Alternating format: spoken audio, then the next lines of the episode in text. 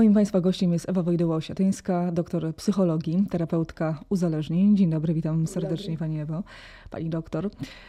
Jestem pod wrażeniem książki Dobra pamięć i zła pamięć, e, więc chciałabym, żeby ta książka była punktem wyjścia do naszej e, rozmowy.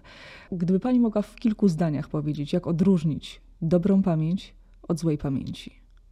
No, mm, dokładnie wprost tak, jak brzmi ten zwrot pamiętanie dobrych rzeczy nas uszczęśliwia, pozwala nam cieszyć się własnym życiem, y, przeżyciami z przeszłości, rzutuje na teraźniejszość w ten sposób, że jesteśmy wdzięczni za swoje życie, gdy pamiętamy dobre rzeczy. Pamiętanie o złych rzeczach y, zwykle zasmuca E, powoduje, czasami nawet doprowadza do depresji, do załamania, do rozczarowania. Pamiętam, że ktoś mnie krzywdził. Nie ma już tego kogoś. Ja już wyszłam z tamtego związku, ale noszę w sobie syndrom ofiary, ponieważ ofiara to jest osoba, która żyje w cierpieniu, bo nie może się wyzwolić.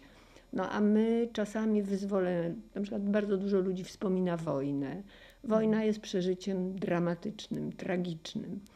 I pamiętanie wojny, która przyniosła wiele śmierci, wiele nieszczęść, rozłąk, strat, no, wszystkiego co najgorsze, e, sieroctwa, sprawia, że tak bardzo dużo ludzi pogrąża się właśnie w smutku. I to nic, że dzisiaj mamy piękny, słoneczny dzień, że możesz sobie pozwolić na przykład na pyszną jajecznicę na śniadanie, że możesz telefon wziąć i zadzwonić do, nie wiem, sąsiadki, przyjaciółki, córki, do przyjaciela, do kogoś. I to są ludzie, którzy zostają w tamtym miejscu. I na tym polega ten komunikat, który ja wysyłam książką. Mhm. Dobra pamięć, uczmy się, yy, zwracajmy uwagę na to, co dobre. A żyjemy w takiej kulturze, na którą się składa oczywiście mnóstwo rzeczy, ale no w dużej mierze złożyła się w każdym razie na naszą kulturę, na ten obyczaj międzyludzki, na relacje, na, no, na wszystko, co widzimy.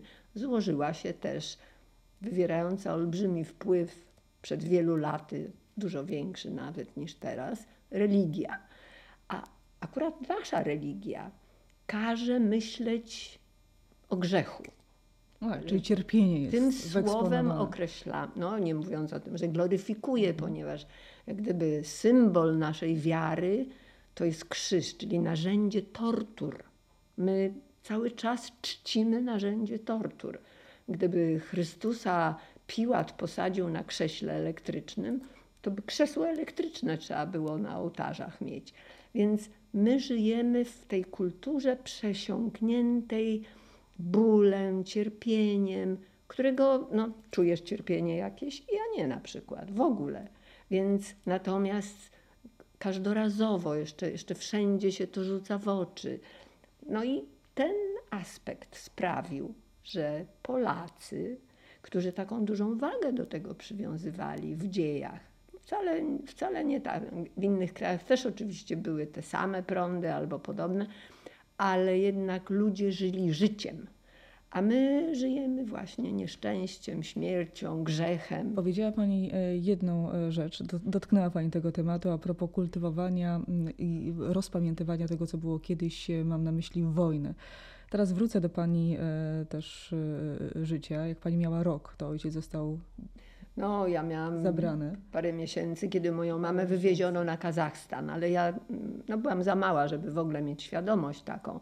Ale kiedy dorastałam tam, bo do Polski dopiero przyjechałyśmy, jak ja miałam już 6 lat, więc, yy, yy, więc ja po prostu nie pamiętam. Są osoby, które mają bardzo ostrą pamięć dzieciństwa a ja w ogóle nie. Kiedyś nawet przy okazji studiów psychologicznych w Stanach musiałam w ramach studiów, jak wybrałam psychologię kliniczną, to tam w odróżnieniu od tego, co u nas, student musi przejść i psychoanalizę też.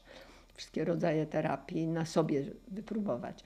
No i ja miałam tak przez prawie rok z psychiatrą pracowałam. No i poprosiłam go, zapytałam, słuchaj, a czy ja bym mogła na przykład od, od, odzyskać te wspomnienia, których nie mam, bo wiem bardzo dużo o swoim dzieciństwie, ale mama mi po prostu opowiadała, opowiadała jaka ja byłam, w ogóle jak tam było, no to dużo rzeczy wiem.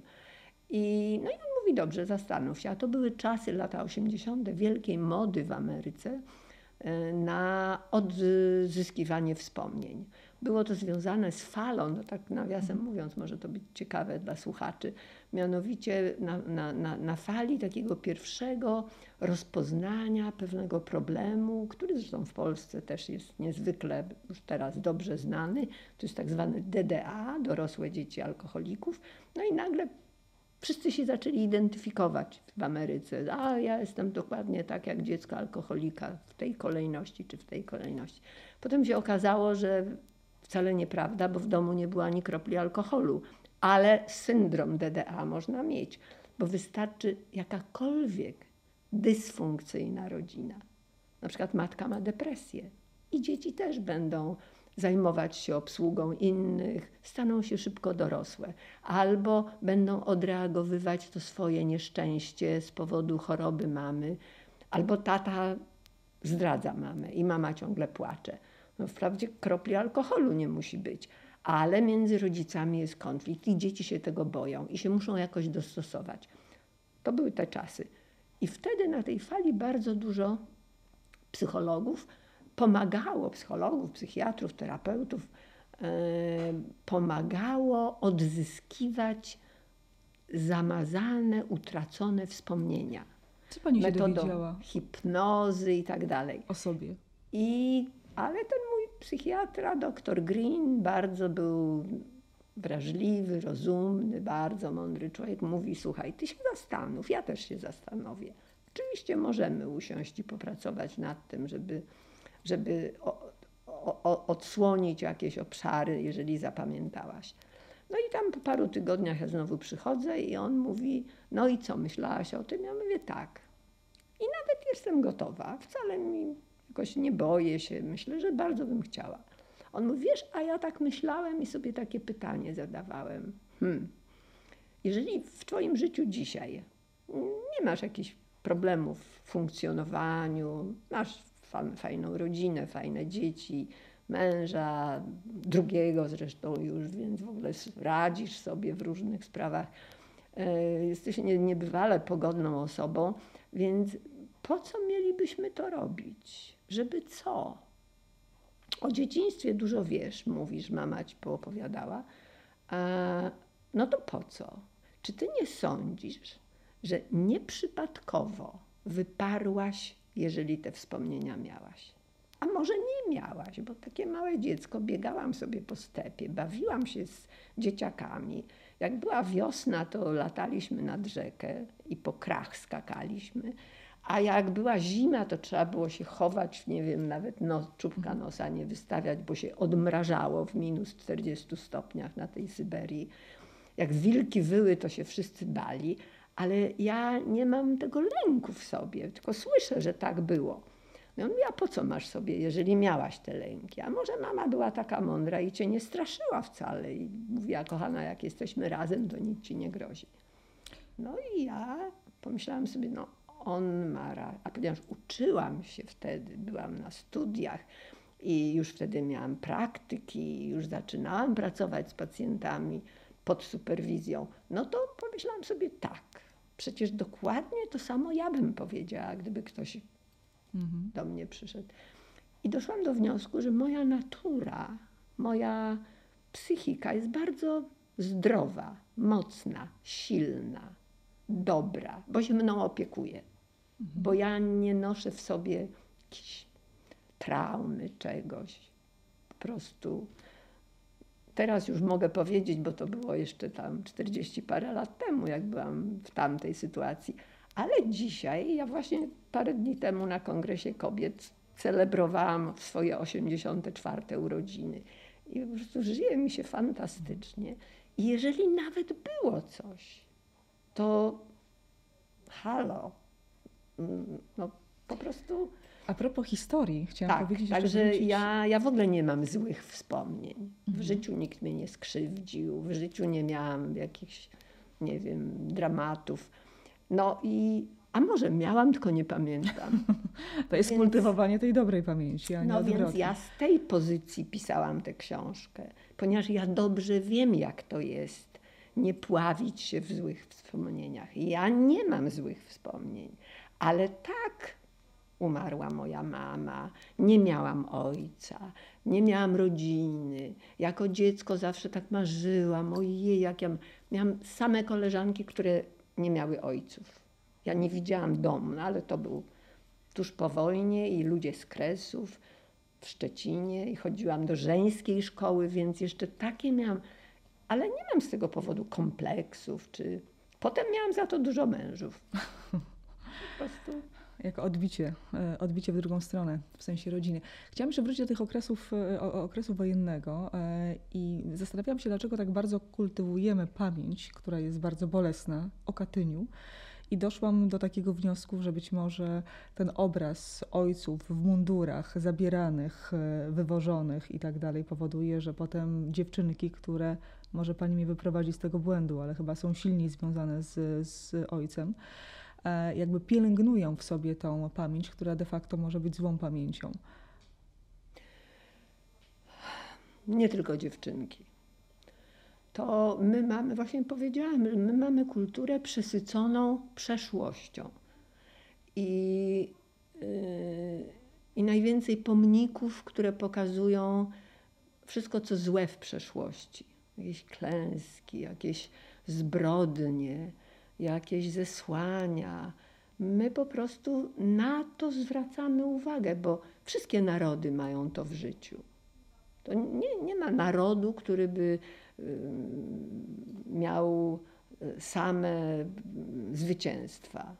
Były tarcia, wojny, porażki, y, nie mówiąc o tym, że kataklizmy, tsunami, trzęsienia ziemi, a my jesteśmy wolni od tego klimatycznie przynajmniej.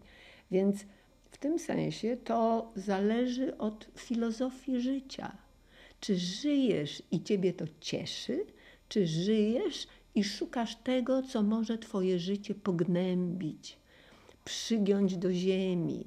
U nas takie nawet do tej pory używane, no już teraz mało kto chodzi do kościoła, ale, ale jeszcze tam się kołacze. Dźwigaj swój krzyż. Przepraszam, dlaczego? Odłóż go po co masz dźwigać? Więc w tym sensie to, czyli nasza kultura sprzyja temu, żeby zwracać uwagę, żeby rozpamiętywać. I to powoduje, że jest strasznie dużo depresji, że jest tak strasznie mało radości życia, że jak ja idę na przykład, teraz jest to popularna zabawa, forma, no taki odpoczynek, nazywa się Medicine Movement mhm. albo y, Medicine Dance, albo no, takie taneczne spotkania, kiedy po prostu gra muzyka, czy bębny biją i po prostu się zaczyna do tego tańczyć. I kto chce, to może przyjść, płaci tam 50 zł czy 100 zł ileś przy wejściu i sobie tańczy. I są sale szkolne wieczorem nieużywane i sobie tam tańczymy. No i przychodzą, ja jestem jak tylko słyszę, a mam czas, ja akurat nie, nie uczę albo nie wyjeżdżam, albo coś, no to po prostu lecę, bo uwielbiam. No ale już nie chcę powiedzieć, że łatwo być wyjątkiem, mając 84 lata, ale nawet 60-letnich ludzi nie ma. Mhm. Co oni robią w Polsce? A ich jest strasznie dużo, kilka milionów już. To co ci ludzie robią? No siedzą w parku i karmią gołębie i są zgięci w pół, bo dźwigają krzyż. Więc, a to no, naprawdę to kosztuje grosze, a można w ogóle nie chodzić na żadne, tylko włączyć sobie swój, y, swoje radio za złoty 50. Już inaczej I, umilić czas. I tańczyć. Więc w tym sensie to ja dlatego zaczęłam od tego, że my mamy taką kulturę, to nie jest wina pojedynczej pani Kowalskiej czy pana Nowaka. To jest przede wszystkim pewien zeitgeist. To jest to co, to, co się tak jak gdyby w naszej przestrzeni społecznej najważniejszą rzeczą to jest cierpienie. biedna jesteś. Mój ojciec zginął w Katyniu, mhm. o czym ja się dowiedziałam dopiero, kiedy już byłam dorosłą osobą i mm, Szwajcaria miała wydrukowane listy katyńskie i nazwisko mego ojca, lekarza, który w Wilnie mieszkali rodzice i, i tam błyskawicznie. Także ojciec nawet się nigdy nie dowiedział, czy urodził mu się synek, czy córeczka, chociaż się urodziłam w pierwszym dniu wojny. Więc w tym sensie to można by zamienić ten mój los w źródło właściwie straszliwego przygnębienia na całe życie.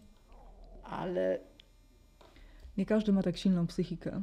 Ale tak, ale na przykład miałam mamę, która nawet mówiła, wiesz, jakie myśmy miały szczęście, że wywieźli nas Sowieci na ten Kazachstan. Myśmy żadnej bomby nie widziały.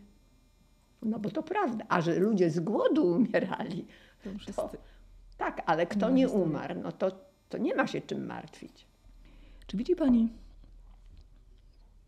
taką zmianę pokoleniową, że to nowe pokolenie, czy to młodsze pokolenie zrzuci te kajdany? Myślę, że tak, dlatego pamięci. że nadzieja jest w tym, że dzieci nie słuchają rodziców na szczęście, mhm. a już dziadków to tym bardziej. Ponieważ właśnie gdyby słuchały, gdyby nie miały innego wyboru, gdyby nie miały innych źródeł, doświadczeń, to prawdopodobnie by powtórzyły ten sam, bo my, my przecież z pokolenia na pokolenie mamy ten przekaz. Natomiast teraz dzieci się wyłamują, różnych rzeczy nie robią, które robiła mama albo które robił tata. I różnych, a już na pewno różnych rzeczy nie robią, które robiła babcia, albo których babcia nie robiła, a one teraz robią. Ja sama podróżuję, no, a moja na przykład prababcia to nie mogła sama podróżować, bo w ogóle żadna kobieta nie mogła. Maria Skłodowska-Curie nie mogła pójść na uniwersytet w Polsce. Mhm. Czyli nawet już na świecie było inaczej, a my ciągle mieliśmy taki, taką stagnację, taki jakiś model, e, takie życie to nie jest, dopiero jak umrzesz to jest prawdziwe szczęście, a to w życiu to trzeba cierpieć, cierpieć, cierpieć. No i to się już skończyło, tylko że jeszcze są pokolenia, albo ludzie, którzy są bardzo silnie osaczeni przez te, te takie tradycje. No i, i ta tradycja niestety taka jest, więc ona może nie być wcale zła. No, ktoś może powiedzieć, wiesz, ale to jest też sposób na życie, cierpieć. Mhm. No tak, tylko, tylko właśnie wtedy nie narzekajmy, że jest źle bo bardzo lubimy, jak jest źle i lubimy być ofiarą i lubimy, jak nas wszyscy żałują. Ja to tak nawet mówię czasami, że to jest taka nasza cecha narodowa, więc, akurat nasza w sensie więc, Polaków. Jak widać, to to jest kwestia raczej filozofii, a nie psychologii, czyli takiego gdyby sensu życia. Życie jest przepiękne pod warunkiem, że zrobisz je przepiękne. Ono ma być w, na, no, co to znaczy? Życie ma być pełne dobrych przeżyć. Źródła, no a ile u nas się na przykład ludzie głośno śmieją? Jak się nie upiją, to się nie śmieją. Mhm. Ja przez kilkadziesiąt lat pracowałam w Instytucie Psychiatrii i pacjentów ciągle tam pytałam o różne i mówię, no, gdzie widzieliście po raz pierwszy pijaństwo? 100% ręce do góry w domu. No, a ile razy, ile u was w domu się wszyscy razem, mama, tata, babcia, ciocia, kto tam mieszka, siostra, brat, ile razy siadacie i po prostu pękacie ze śmiechu, bo jest tak wesoło? Zero rąk. No, Mniejszości właśnie. na pewno. Bardzo często odpowiedź, zwłaszcza u moich pacjentów, bo to byli ludzie nieszczęśliwi. Bo są też fajni ludzie, którzy powiedzą, nie, fajnie, u nas to jest wesoło, Mhm. Tatę mamy fajnego, właśnie świetny taki. No, ale bardzo często ludzie się, tak gdyby powiela się pewien model. I ten model dosyć powszechny, nie mówię 100%, ale dosyć powszechny. On, moim zdaniem, może skorzystać z takiej książki, nawet dotyczącej pamięci, co ja tam się nie zajmuję neurofizjologią pamięci że pamiętamy tam jakieś rzeczy, że coś, że to. Nie, to, to nie jest książka naukowa, Tylko to jest książka właśnie taka, powiedziałabym, filozoficzno-psychologiczna, pokazująca, że od ciebie zależy, czy jakość twojego życia będzie bardzo dobra, czy jakość twojego życia będzie bardzo, bardzo żałosna. A co powiedzieć tym, którzy mierzą się z. Pani już po części to dotknęła ten temat, tego tematu. E, tym ludziom, którzy mierzą się z traumami, chociażby na przykład. A trauma to jest bardzo ciężkie doświadczenie. Ja też napisałam książkę o traumie. Z uzależnieniami. Mhm. I, yy, I jest to, i jest to doświadczenie, tak jak kalectwo. Trzeba temu poświęcić uwagę. Czasami potrzeby, potrzebna jest e, pomoc profesjonalna, dlatego że człowiek, który zostaje skrzywdzony, a trauma to jest takim rodzajem krzywdy, który postawił na chwilę tę osobę w sytuacji zagrożenia życia. Bo jak się mówi, och, słuchaj, złamałam obcas, akurat jechałam, wiesz, na wesele przyjaciółki i no mówię ci, traumę mam taką, że no to nie jest trauma, przepraszam. Trauma to są doświadczenia związane z zagrożeniem życia. I na przykład ja mogę patrzeć na egzekucję, gdy komuś przystawiają pistolet do skroni albo wymierzają karabin. I to jest śmierć, jest tym granicznym, ultimatywnym przeżyciem dla człowieka, który tak straszliwie przeraża. I może to przerażenie tak się wpieczętować i nie możesz się od tego wyzwolić. I będą flashbacki, i powroty, i, te, i, i, i sny w różny sposób. Im wrażliwsza osoba, a więc im młodsza, tak malutkie dzieci najbardziej, bo jeszcze często nie umieją opowiedzieć o tym. Jeszcze często nic nie rozumieją, natomiast straszliwie się boją. Malutkie dziecko, które widzi pożar, wcale nie musi być w pożarze. Widzi pożar, ten olbrzymi płomień, rozpawalące się mm, krokwie, rozsypujące się mury, krzyczących ludzi uciekających. Cała ta sceneria może zostawić taki lęk, przed, że zapali że zapałkę i ktoś w tym momencie dostanie ataku paniki. Bo w dzieciństwie miał taką, takie doświadczenie. I jeżeli, a czasami się tak zdarza, samo to przeżycie zostaje tak zostawione.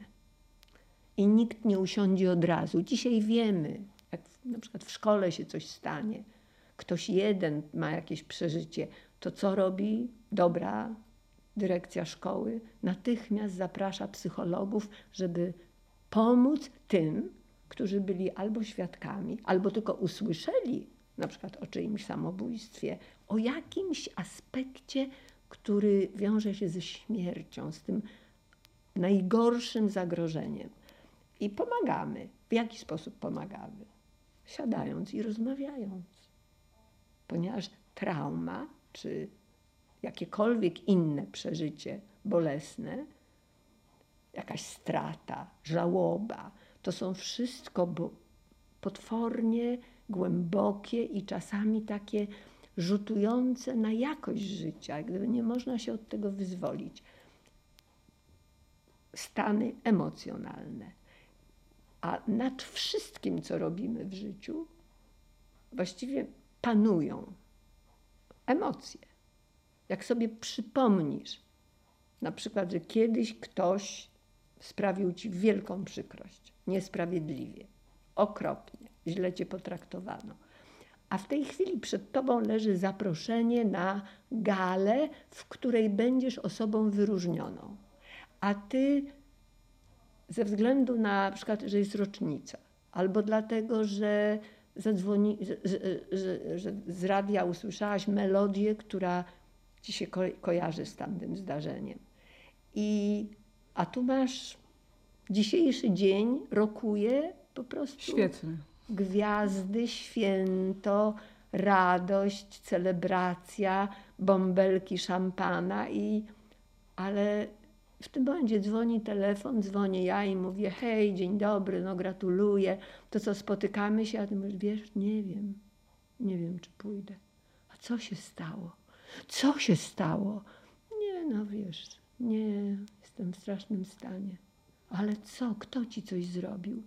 No wiesz, no pamiętasz, 11 lat temu. Przecież on mnie zostawił, okradł mnie. Jeszcze na mnie nagadał. Bo ci się to przypomniało, bo się coś zdarzyło, bo popłynęła melodia.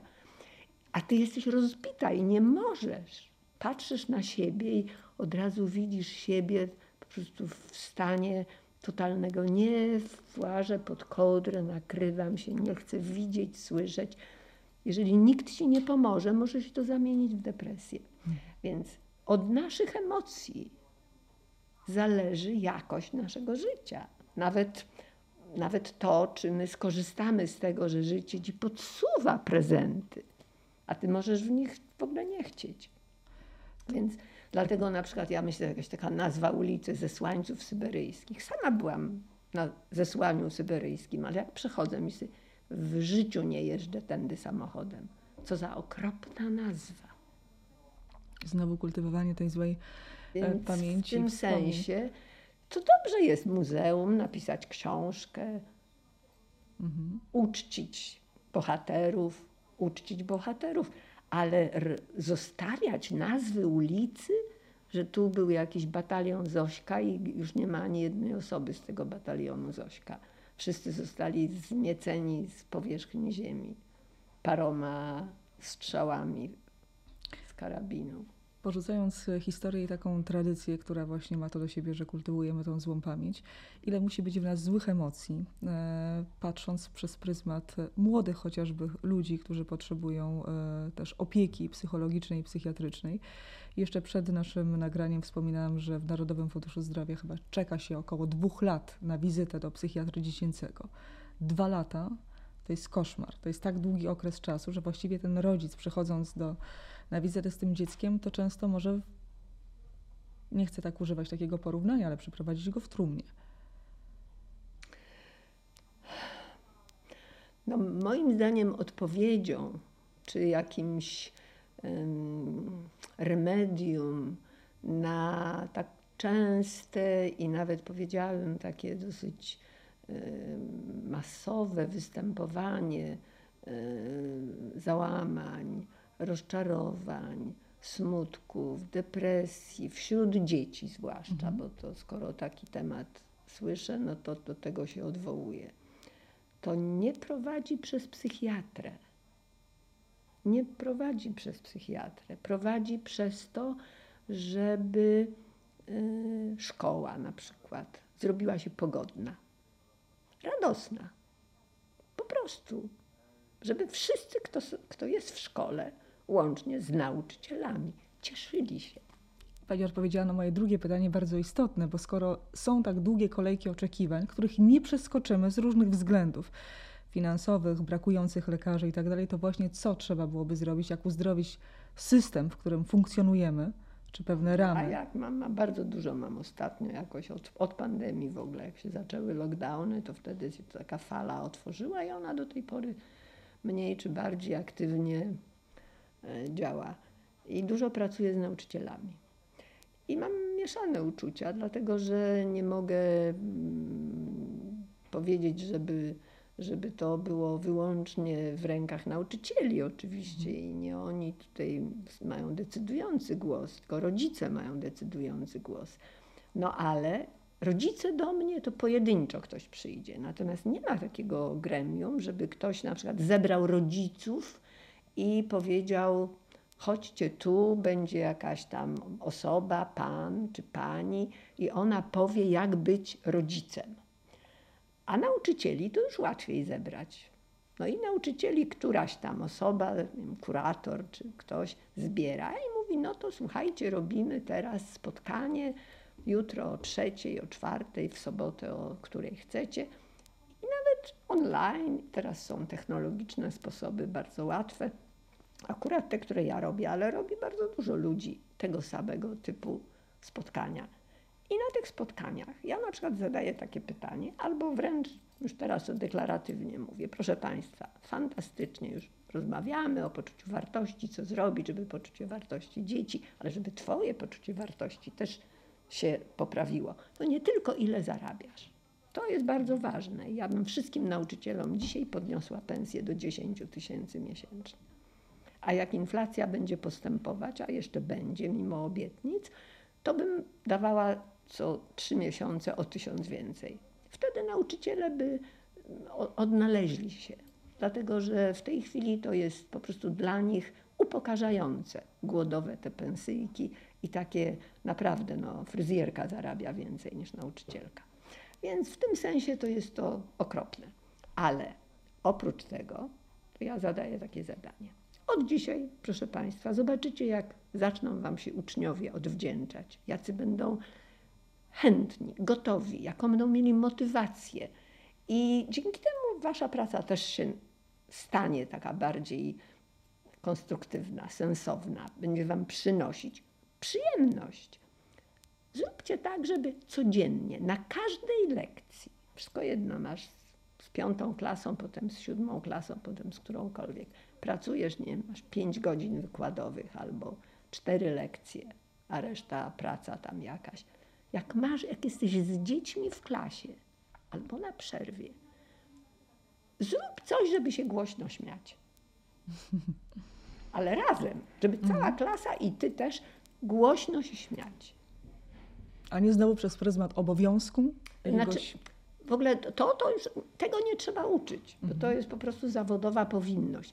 Natomiast to, czego u nas trzeba nauczyć ludzi, to jest, żeby swój zawód wykonywać radośnie. No a nie ma innego sposobu, żeby poznać, czy to jest radosne, czy nieradosne, jak wszyscy siedzą i jeszcze. A jeżeli jeszcze się coś takiego dzieje, jak reprymendy, podnoszenia głosu i zwracanie uwagi wyłącznie na to, czego uczeń nie umie. Mhm. Przecież to jest straszne. Ale to samo jest w domach. Przecież mama zauważa nie, co Kasia robi dobrze, tylko czego Kasia nie może zrobić, albo co Kasia zrobiła źle. Znowu nie posprzątałaś. Popatrz, wyszłaś i łóżko było niezaścielone, albo jak ty kładziesz swoje, jak ty zostawiasz swoje buty, a gdzie tam coś, a czemu nie popiego i tak dalej, i tak dalej. Jak ktoś przyszedł do szkoły i przyniósł wszystkie zeszyty, no to normalne, ale jak jednego nie przyniósł, to już wielkie halo. I to, to, też pewnie, nie wiem, e, pewnie pani e, potwierdzi, a może, może i nie, że to, to są te nawyki, które też przenosimy z pokolenia na pokolenie. Chcąc uniknąć oczywiście błędów rodziców, mimo wszystko mamy tak zakodowane, że nie chcę być taka jak mama czy ojciec, ale gdzieś jest to silniejsze, silniejsze. No tak, ale to trzeba wtedy, no, to jest też ja taki mam jeden bardzo dobry sposób. Zapytaj swoje dzieci. Słuchajcie, dzieci, ja chcę, żebyście mnie naprawdę bardzo kochały, ale oczywiście nie dlatego, że jestem mamą, tylko dlatego, że wam jest tak dobrze ze mną. Powiedzcie mi, co ja robię źle. Mhm. Powiedzcie, co wam się nie podoba. A powiedzcie, co byście chciały, żebyśmy robili razem, żeby wam było milej ze mną. Zapytaj codziennie, może co drugi dzień pytać swoje dzieci. One tak cudownie, wspaniale. No i wtedy to, że mama coś robiła, to w ogóle z głowy to dzieci są. Mhm. Także tu w ogóle męża tak warto zapytać. Bo, bo jeszcze w dodatku my nie umiemy, żeby każdy sam z siebie wyrażał to. No ale jak zostanie zaproszony, to wtedy powie, to już tak, sama chciałaś, to ci powiem. I, no i to fantastyczna jest rzecz, dlatego że oczywiście jak będziesz pytać kogoś, kto ciebie potwornie nie lubi, no to ci da popalić. Ale zakładamy, że w rodzinie to się ludzie, przynajmniej własne dzieci, póki są małe przynajmniej, to cię lubią. No to wtedy trzeba zacząć. Mhm. E, chociaż wydaje mi się, że to wychowanie dzieci w dzisiejszych, dzisiejszych czasach jest trochę trudniejsze od e, wychowania na przykład e, dzieciaków z mojego pokolenia. Mówię o tym, że jest świat realny, świat wirtualny trochę nam doszedł, właściwie nie trochę, tylko nawet bardzo. I ten trzeci świat, w którym dzieci się zamykają, to jest świat ten ich własny, czyli zamknięty. Do tego dążę, że o ile moja mama nie za bardzo mogła czasami wiedzieć, co umie słychać, o tyle spojrzała gdzieś tam za okno, to biegałam gdzieś po podwórku, albo ktoś do mnie przychodził, więc mimo wszystko słyszała pewne interakcje. O tyle dzisiejsze dzieciaki mają telefony komórkowe, często z pinem, więc już ta mama często nie zajrzy do tego telefonu, co tam się dzieje, co on robi w tym świecie gdzieś wirtualnym, a może potem i w swoim, czyli w zamkniętym. Tak, ale, ale mm, znam przedszkole, w którym dzieci, no trzyletnie już, e, zwłaszcza, że wszystkie dzieci są, nie ma podziału na grupy, tylko wszystkie dzieci trzyletnie i sześcioletnie są razem. I w tym przedszkolu jedna z ważniejszych spraw, o, o którą się dba, to jest każde dziecko musi mieć przyjaciela. Musi być przyjaciel. I kto to jest przyjaciel? O, Zosia z Hanią się bawią, lubisz się bawić, a powiedz dlaczego. A lubisz, jak mama Hani zabiera ciebie razem do, do Hani, a twoja mama potem przychodzi po ciebie i od razu ustala dzień, kiedy ty zaprosisz Hanię do siebie. No i Zosia mówi, Hania mówi. I w ten sposób budujemy pewne wartości. Co jest ważne między ludźmi? Przyjaźń. Mhm. I przedszkola, może nawet w żłobku, akurat w żłobku nie byłam wtedy, ale w przedszkolu wiem, że taką wartość można wprowadzić. Więc to jest, ale ja mam też duże dzieci w rodzinie, moich córek dzieci i muszę powiedzieć, że wcale nie jest tak, żeby one się zamykały w pokoju same że owszem, no ale też mama szczęśliwa, że wreszcie ma trochę spokoju, bo ona też siada, czyta, zaprasza nie wiem, dwie przyjaciółki, może tam, nie wiem, y, robić coś, przygotowywać. W każdym razie to, że dziecko bywa, zwłaszcza, nie wiem, 14-letnie, 13-letnie, 15-letnie, to jest taki czas, kiedy ono, tak, to jest pora, kiedy dziecko zacznie dużo czasu potrzebować dla siebie. Ale dla siebie to nie znaczy, że w zamkniętym pokoju. Na przykład znam taki dom, są dobre wzory. E, jest dwóch chłopaków i teraz to już są starsi na studiach, ale gdy mieli tam po 12 lat czy po 13, więc to już było nie wiem, 10 lat temu, to mama postawiła komputery jednego i drugiego na stole kuchennym. Mhm. W pokoju nie mieli komputerów. Czyli laptopów. cały czas widziała, co. Prostu tak. Dzieci odrabia. Mnie nie przeszkadzacie. Proszę bardzo, możecie odrabiać. Ja będę tutaj. A jednocześnie są wszyscy razem, prawda? Bo ona też gdzieś się kręciła. No, mama gotuje, tata przychodzi sobie zrobić kanapkę albo napić się herbaty. Jeżeli jest zajęty, widzi, że ktoś jest zajęty, to mówi, a, a co robisz? Ale komputerów nie ma w ogóle w, w osobnym pokoju. I ta nigdy nie miała problemu, że ona nie wiedziała, co ogląda ten jeden syn czy drugi syn. A synowie się buntowali, tam już tam bierze któryś laptop, mówię nie, bo on tutaj tam coś głośno mówi, to ja, to poczekaj, to załatwimy, żeby mówił ciszej. Krzysiek, a co ty tam coś? No, bo musiałem tu sobie mhm. na, na głos przeliczyć, to, to, to teraz już dobrze. I wyrabia się w ten sposób po prostu, ale nie ma zabierania laptopa do pokoju. E, druga rzecz, na przykład teraz telefony. Wszystkie telefony kładziemy przy wejściu, jeżeli dzieci używają ich i wychodzą i z tymi telefonami. Znam szkołę, w której telefony się zostawia w sekretariacie, jak się wchodzi. Jak już tam chcesz mieć telefon i dostałeś, mając tam 14 lat telefon, ale dzieci dostają na komunię telefony, dziewięciolatki. Po co? Przecież same i tak nie podróżują, nie wyjeżdżają, nie, no bo to po co te telefony? Więc my sami rodzice też robimy swoim dzieciom takie rzeczy. A potem, no to się nie ma co dziwić. To potem jest strasznie to pokręcone, bo dziecko, no. Także to jest, to są sprawy po prostu takie, ale jak ktoś naprawdę interesuje się swoim dzieckiem, to nie ma problemu. Nie ma. Jak jest rodzic, który się interesuje, a nie zaczyna się interesować, kiedy na przykład nie ma dziecka dwa dni w domu.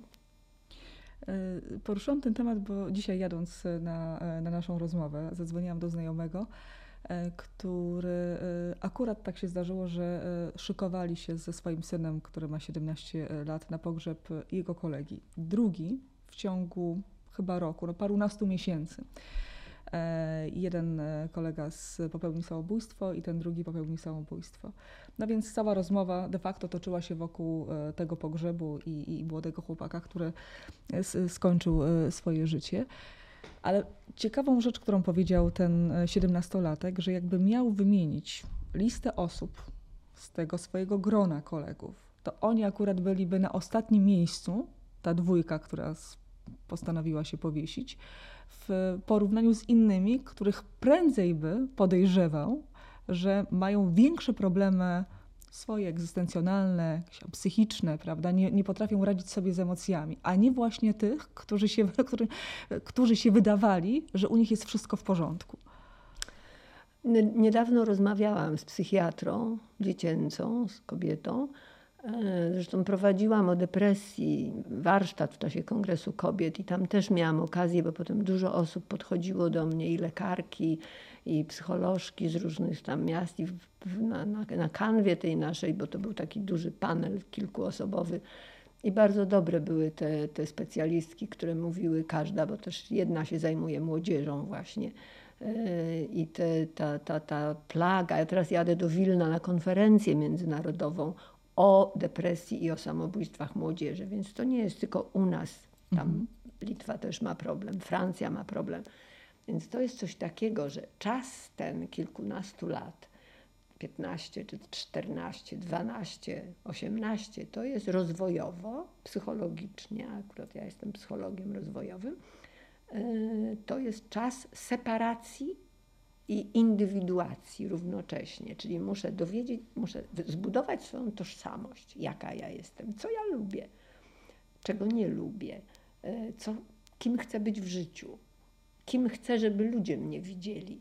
To jest wtedy wypróbowywanie siebie na tle świata i odcięcie się od tego rodzicielskiego wzorca.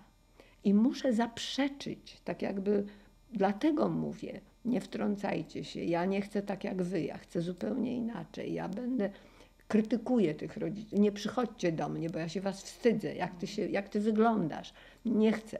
Czyli ten czas, to nie, że to moje dziecko jest jakimś rarogiem, tylko to jest czas, kiedy dla wypracowania swojej tożsamości to dziecko musi samo siebie tak jakby zbudować i zobaczyć. I przeszkadza mu rodzic, bo do tej pory to, to, to było takie sklejone. Ja robiłam tak jak mama, ja myślałam tak jak mama, ja czułam tak jak mama, czy rodzice, czy tam mhm. ktokolwiek. Natomiast na to trzeba pozwolić. Ale pozwalam, to znaczy, ja nie gniewam się, że to dziecko myśli inaczej, albo tylko przestaję teraz dyktować, a zaczynam pytać. Ja też chcę poznać swoje dziecko i dowiedzieć się, jakie ono jest. Ale jak ja się chcę dowiedzieć, to nie mogę, nie mogę powiedzieć, tak nie wolno. Narzucać swoje zdanie. Tak. Mhm. Tylko, hej, to ciekawe, opowiedz mi. I ty uważasz, że to jest ważne w życiu. No popatrz, a mnie wychowywano tak, że to w ogóle, ale to ciekawe, no ale jak ty sobie, i ja mam pytać swoje dziecko mhm. o takie, a nie co było w szkole, bo to jest pytanie pro, prokuratorskie. A to jest pytanie, hej, poznajmy się. Ja nie wiem, ja sama nie wiem. Ja byłam pod jakimś wpływem i mi się wydaje, że ja taka jestem, ale i także to jest, jakby dzieci chcą zyskać szacunek dla mnie, a nie, że jestem z tej rodziny, że wszyscy się mną mają chwalić. Ja chcę, żeby to szło na mój rachunek, a nie jak syn się dobrze uczy, to gratulują mamie.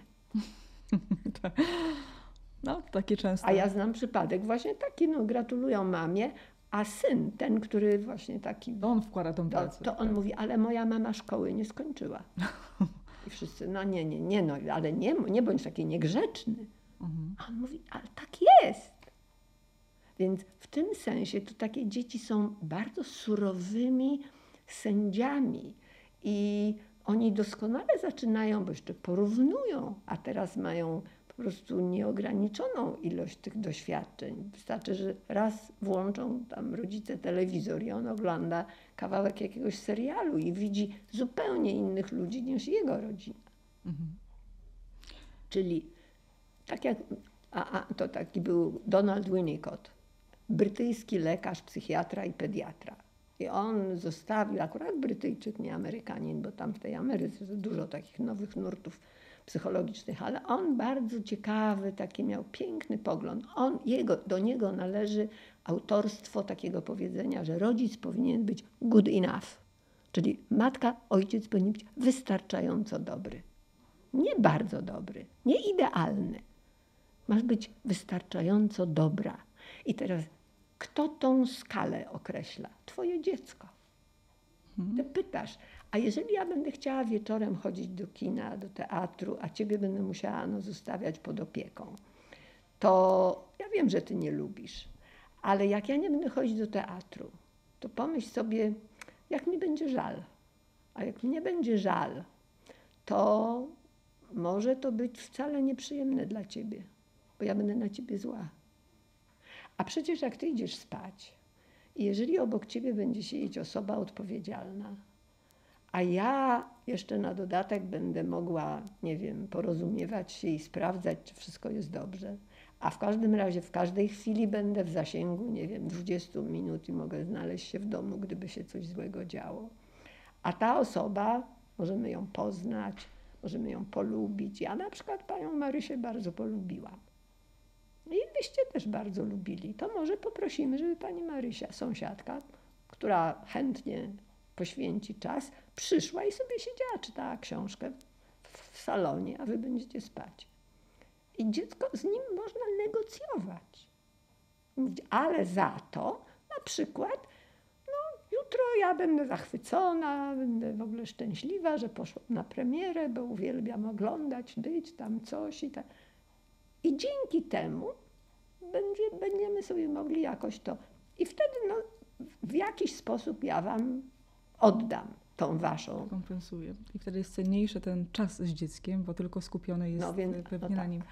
No tak. A... Więc tu jest coś takiego, że y, ta waluta najwyższej próby, jaką, o jaką trzeba zadbać i mieć jej w skarbcu po prostu nieograniczoną ilość. To jest czas. Mhm.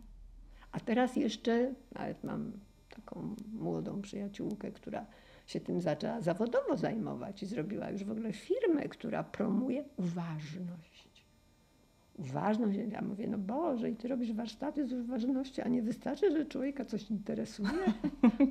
nie, nie masz pojęcia, jak to się zmienia, jak ludzie nie umieją, jak się nie potrafią. A uważność to nie, że ja będę tam uważnie rozpatrywać filozoficzne dylematy, tylko uważność wobec człowieka, którego tu masz, który ma w tej chwili na przykład pięć miesięcy. I ty myślisz, że jak ma pięć miesięcy, to jest głuptasem i ty możesz tymczasem coś. Nie tak wcale. Możesz niekoniecznie kołysać i chodzić ze śpiącym dzieckiem dwie godziny na, po parku, bo to może robić pani Michasia.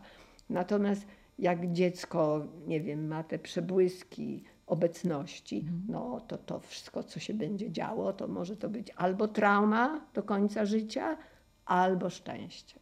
Mhm. I to zależy już wyłącznie od dorosłych, odpowiedzialnych. Mm, I pokierowania. E, chciałam jeszcze zapytać o jedną rzecz. E, tak, mówiliśmy o tych dzieciakach, o, o tym świecie wirtualnym, jak to, jak to wygląda dzisiaj i o tradycji, ale jeszcze chciałam wrócić na chwilę do uzależnień w kontekście, jak te uzależnienia, chociażby kwestia alkoholu, zmienia się w latach, zmieniła się na przestrzeni lat 80., 90., a jak to wygląda teraz? My teraz więcej pijemy? Znaczy, ja nie jestem socjologiem i takie rzeczy, to tak, ani statystykiem, to trudno. Tak, statystycznie prawdopodobnie trochę się to zmieni, zmienia, a wcale nie znaczy, że więcej. Mhm. Na pewno pijemy nadal bardzo nieostrożnie. A teraz jeszcze stała się to właściwie taka, powiedziałabym, forma trochę mm, bezpieczniejsza, ponieważ jest mniej, nie wiem, ludzi pijanych, leżących po... Są kolorowe drinki, gdzieś jakieś różne, to jest w modzie, prawda? Tak. Natomiast y, rozpowszechniło się to, przede wszystkim zagarnęło dosyć sporą falę ludzi, którzy jeszcze 50 lat temu nie byli masowymi konsumentami alkoholu. To są dzieci, młodzież i kobiety. Mhm. Dziewczyny i kobiety. Kobiety w każdym wieku. Kiedyś kobiety tylko staruchy piły, czyli takie, co już po 40 były. No wtedy tak, to jeszcze było takie określenie, że już, już starucha. Tak, jak już, już sama ma dziewięcioro dzieci, to już może sobie pozwolić i te naleweczki tam sobie smakowały i cygarka popalały. Ale młode kobiety nigdy, no kurtyzany, jakieś aktoreczki i dziewczyny takich lekkich obyczajów, to wiadomo było, że to jest zawsze jakiś tam pół promila w społeczeństwie, bo trzeba zaspokoić żądzę łakomych mężczyzn. No to była taka kategoria. Ale dzisiaj pani doktorantka 24-letnia siedzi nad kuflem piwa. No to tego nie było w ogóle. Nawet, nawet wcale nie tak dawno. No ja na szczęście mam tak dużo lat, to ja mogę nawet powiedzieć, no 50 lat temu tego tak nie było. Pytam o te uzależnienia, bo chciałam jeszcze y, zadać takie pytanie w kontekście, jak to nasze pokolenie czy, czy społeczeństwo będzie się kształtowało, bo jest to y, społeczeństwo, według mnie, może pani mnie doktor wyprowadzi, społeczeństwo, które jest bardzo uzależnione jak takie pokolenie, nawet mniejsze, które już jest uzależnione od telefonu, od komórki, od alkoholu, od narkotyków i tak dalej, wchodzi w tą swoją dorosłość już z uzależnieniem, czego wydaje mi się wcześniej na taką skalę to tego nie było. Jak funkcjonować, jak to będzie wpływało na kondycję społeczeństwa, chociażby przez pryzmat złej pamięci. No więc. Yy,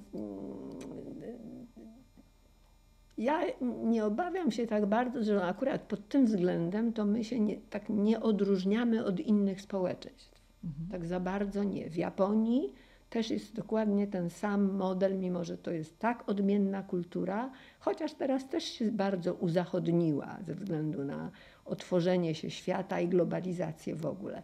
Ale taka kultura jak Chiny, też dokładnie te same zjawiska są co, co u nas. I takie samo niepokoje te same też. I te konferencje, tak jak teraz robi mm, Litwa, konferencję międzynarodową na temat właśnie zagrożeń młodzieży i UZE. Ja mam wykład w parlamencie będę miała o uzależnieniu, tym, tylko że tam parlament się tym interesuje, a u nas nie. No więc są te same problemy, ale troszeczkę rozwiązania są jak gdyby bardziej odpowiedzialnością tych, którzy kierują danym państwem. I we Francji też odbywają się poważne na wysokim szczeblu, nie akademickie i nie podcastowe rozmowy o tym, tylko odbywają się przez przedstawiciela na przykład Ministerstwa Zdrowia. I, i, i wydają odpowiednie zarządzenia, które pozwalają na przykład w każdej codziennej gazecie jest tekst dotyczący szkodliwości cukru.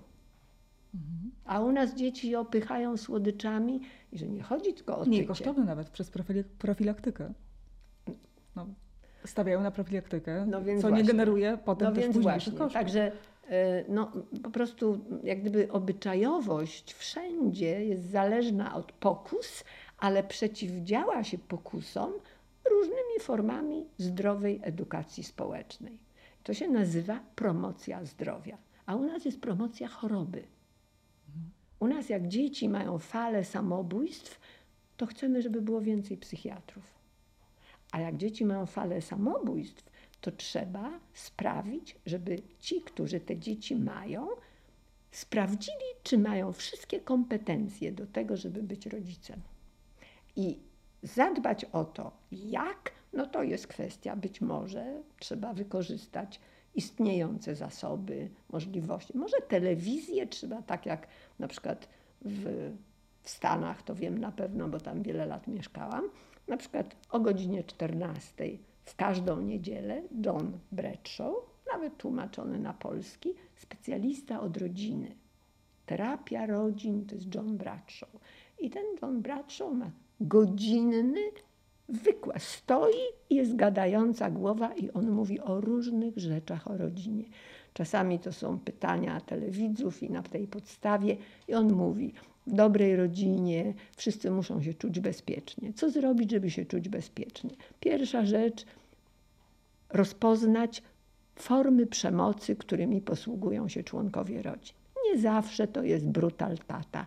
Czasami to jest czterolatek, który terroryzuje, na przykład ciągłymi zaczepkami, tam to i on opowiada. I tak ludzie jedzą obiad i na kanale PBS, bo to jest telewizja publiczna, mhm. halo, i takie programy są. A u nas włącz telewizję publiczną i gdzie posłuchasz, co to jest dobra rodzina. Więc w tym sensie to tak, ale to musi ktoś, kto jest dysponentem tych środków, gazety, media, e, no, kościoły bardzo się w to angażują, bardzo. A u nas niekoniecznie. Mm. Więc w tym sensie, to jak chcemy pomóc, żeby dzieci nie miały obsesyjnych lęków, strachów przed życiem, no bo dlaczego popełniają samobójstwa? Bo nie widzą sensu, bo się boją, bo jest im źle. A dlaczego najwięcej z wszystkich krajów na świecie, najwięcej Polaków ucieka za granicę?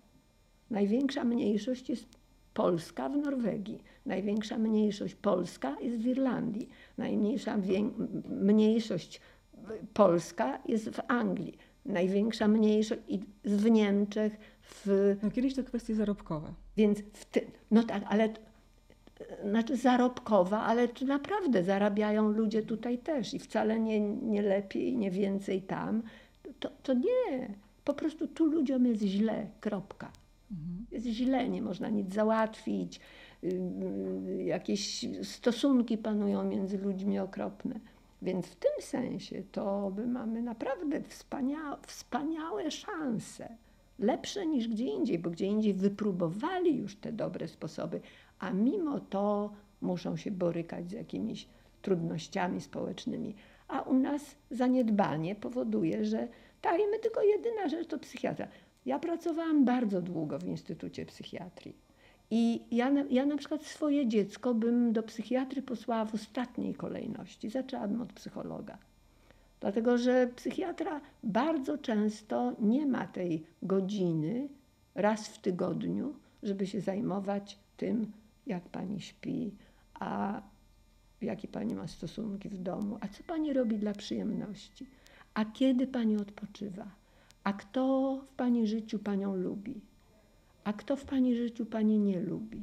I tu się nagle, tak jak się dowie, to on ci nie da prozaku czy Xanaxu, tylko da ci na przykład, nie wiem, e, skierowanie do terapeuty rodzinnego, małżeńskiego czy jakiegoś tam.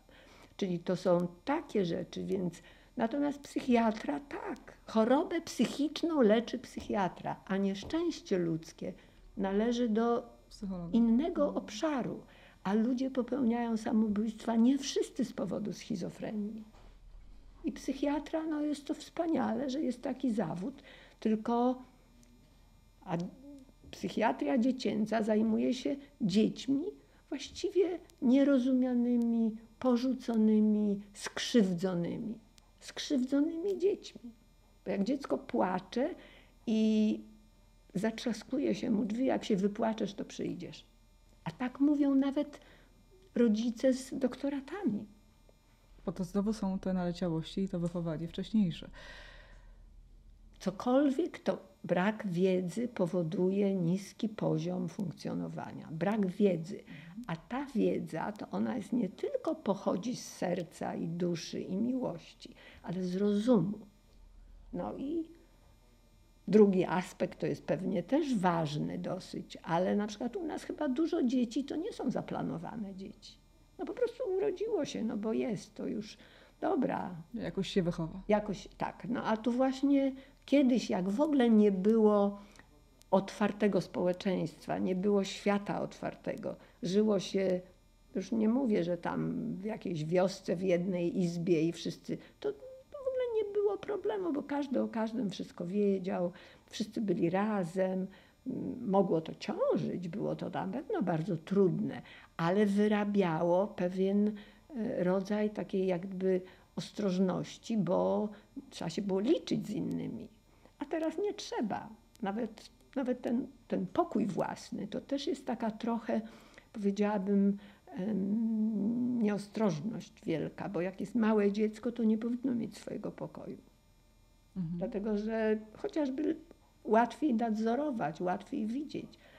A u nas jak dziecko się rodzi, to szuka się większe, większego mieszkania. Już ma swój pokój. No więc właśnie, także to, to, jest, to jest taki, no właśnie, to jest, no już bogactwo, to wychodzi uszami. Owszem, przydałoby się jeszcze więcej pieniędzy, ale potrzeby ludzkie się nie zmieniły tak bardzo od jaskiniowych czasów.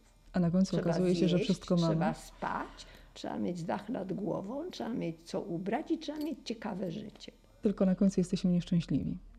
Mając coraz więcej, bo tak do tego pewnie sprowadzamy. Pięknie Pani dziękuję za rozmowę. Dobra pamięć i zła pamięć. E, To jest książka, która pozwoli nam inaczej spojrzeć e, chociażby na nasze funkcjonowanie. Pięknie dziękuję Dziękuję za bardzo. rozmowę.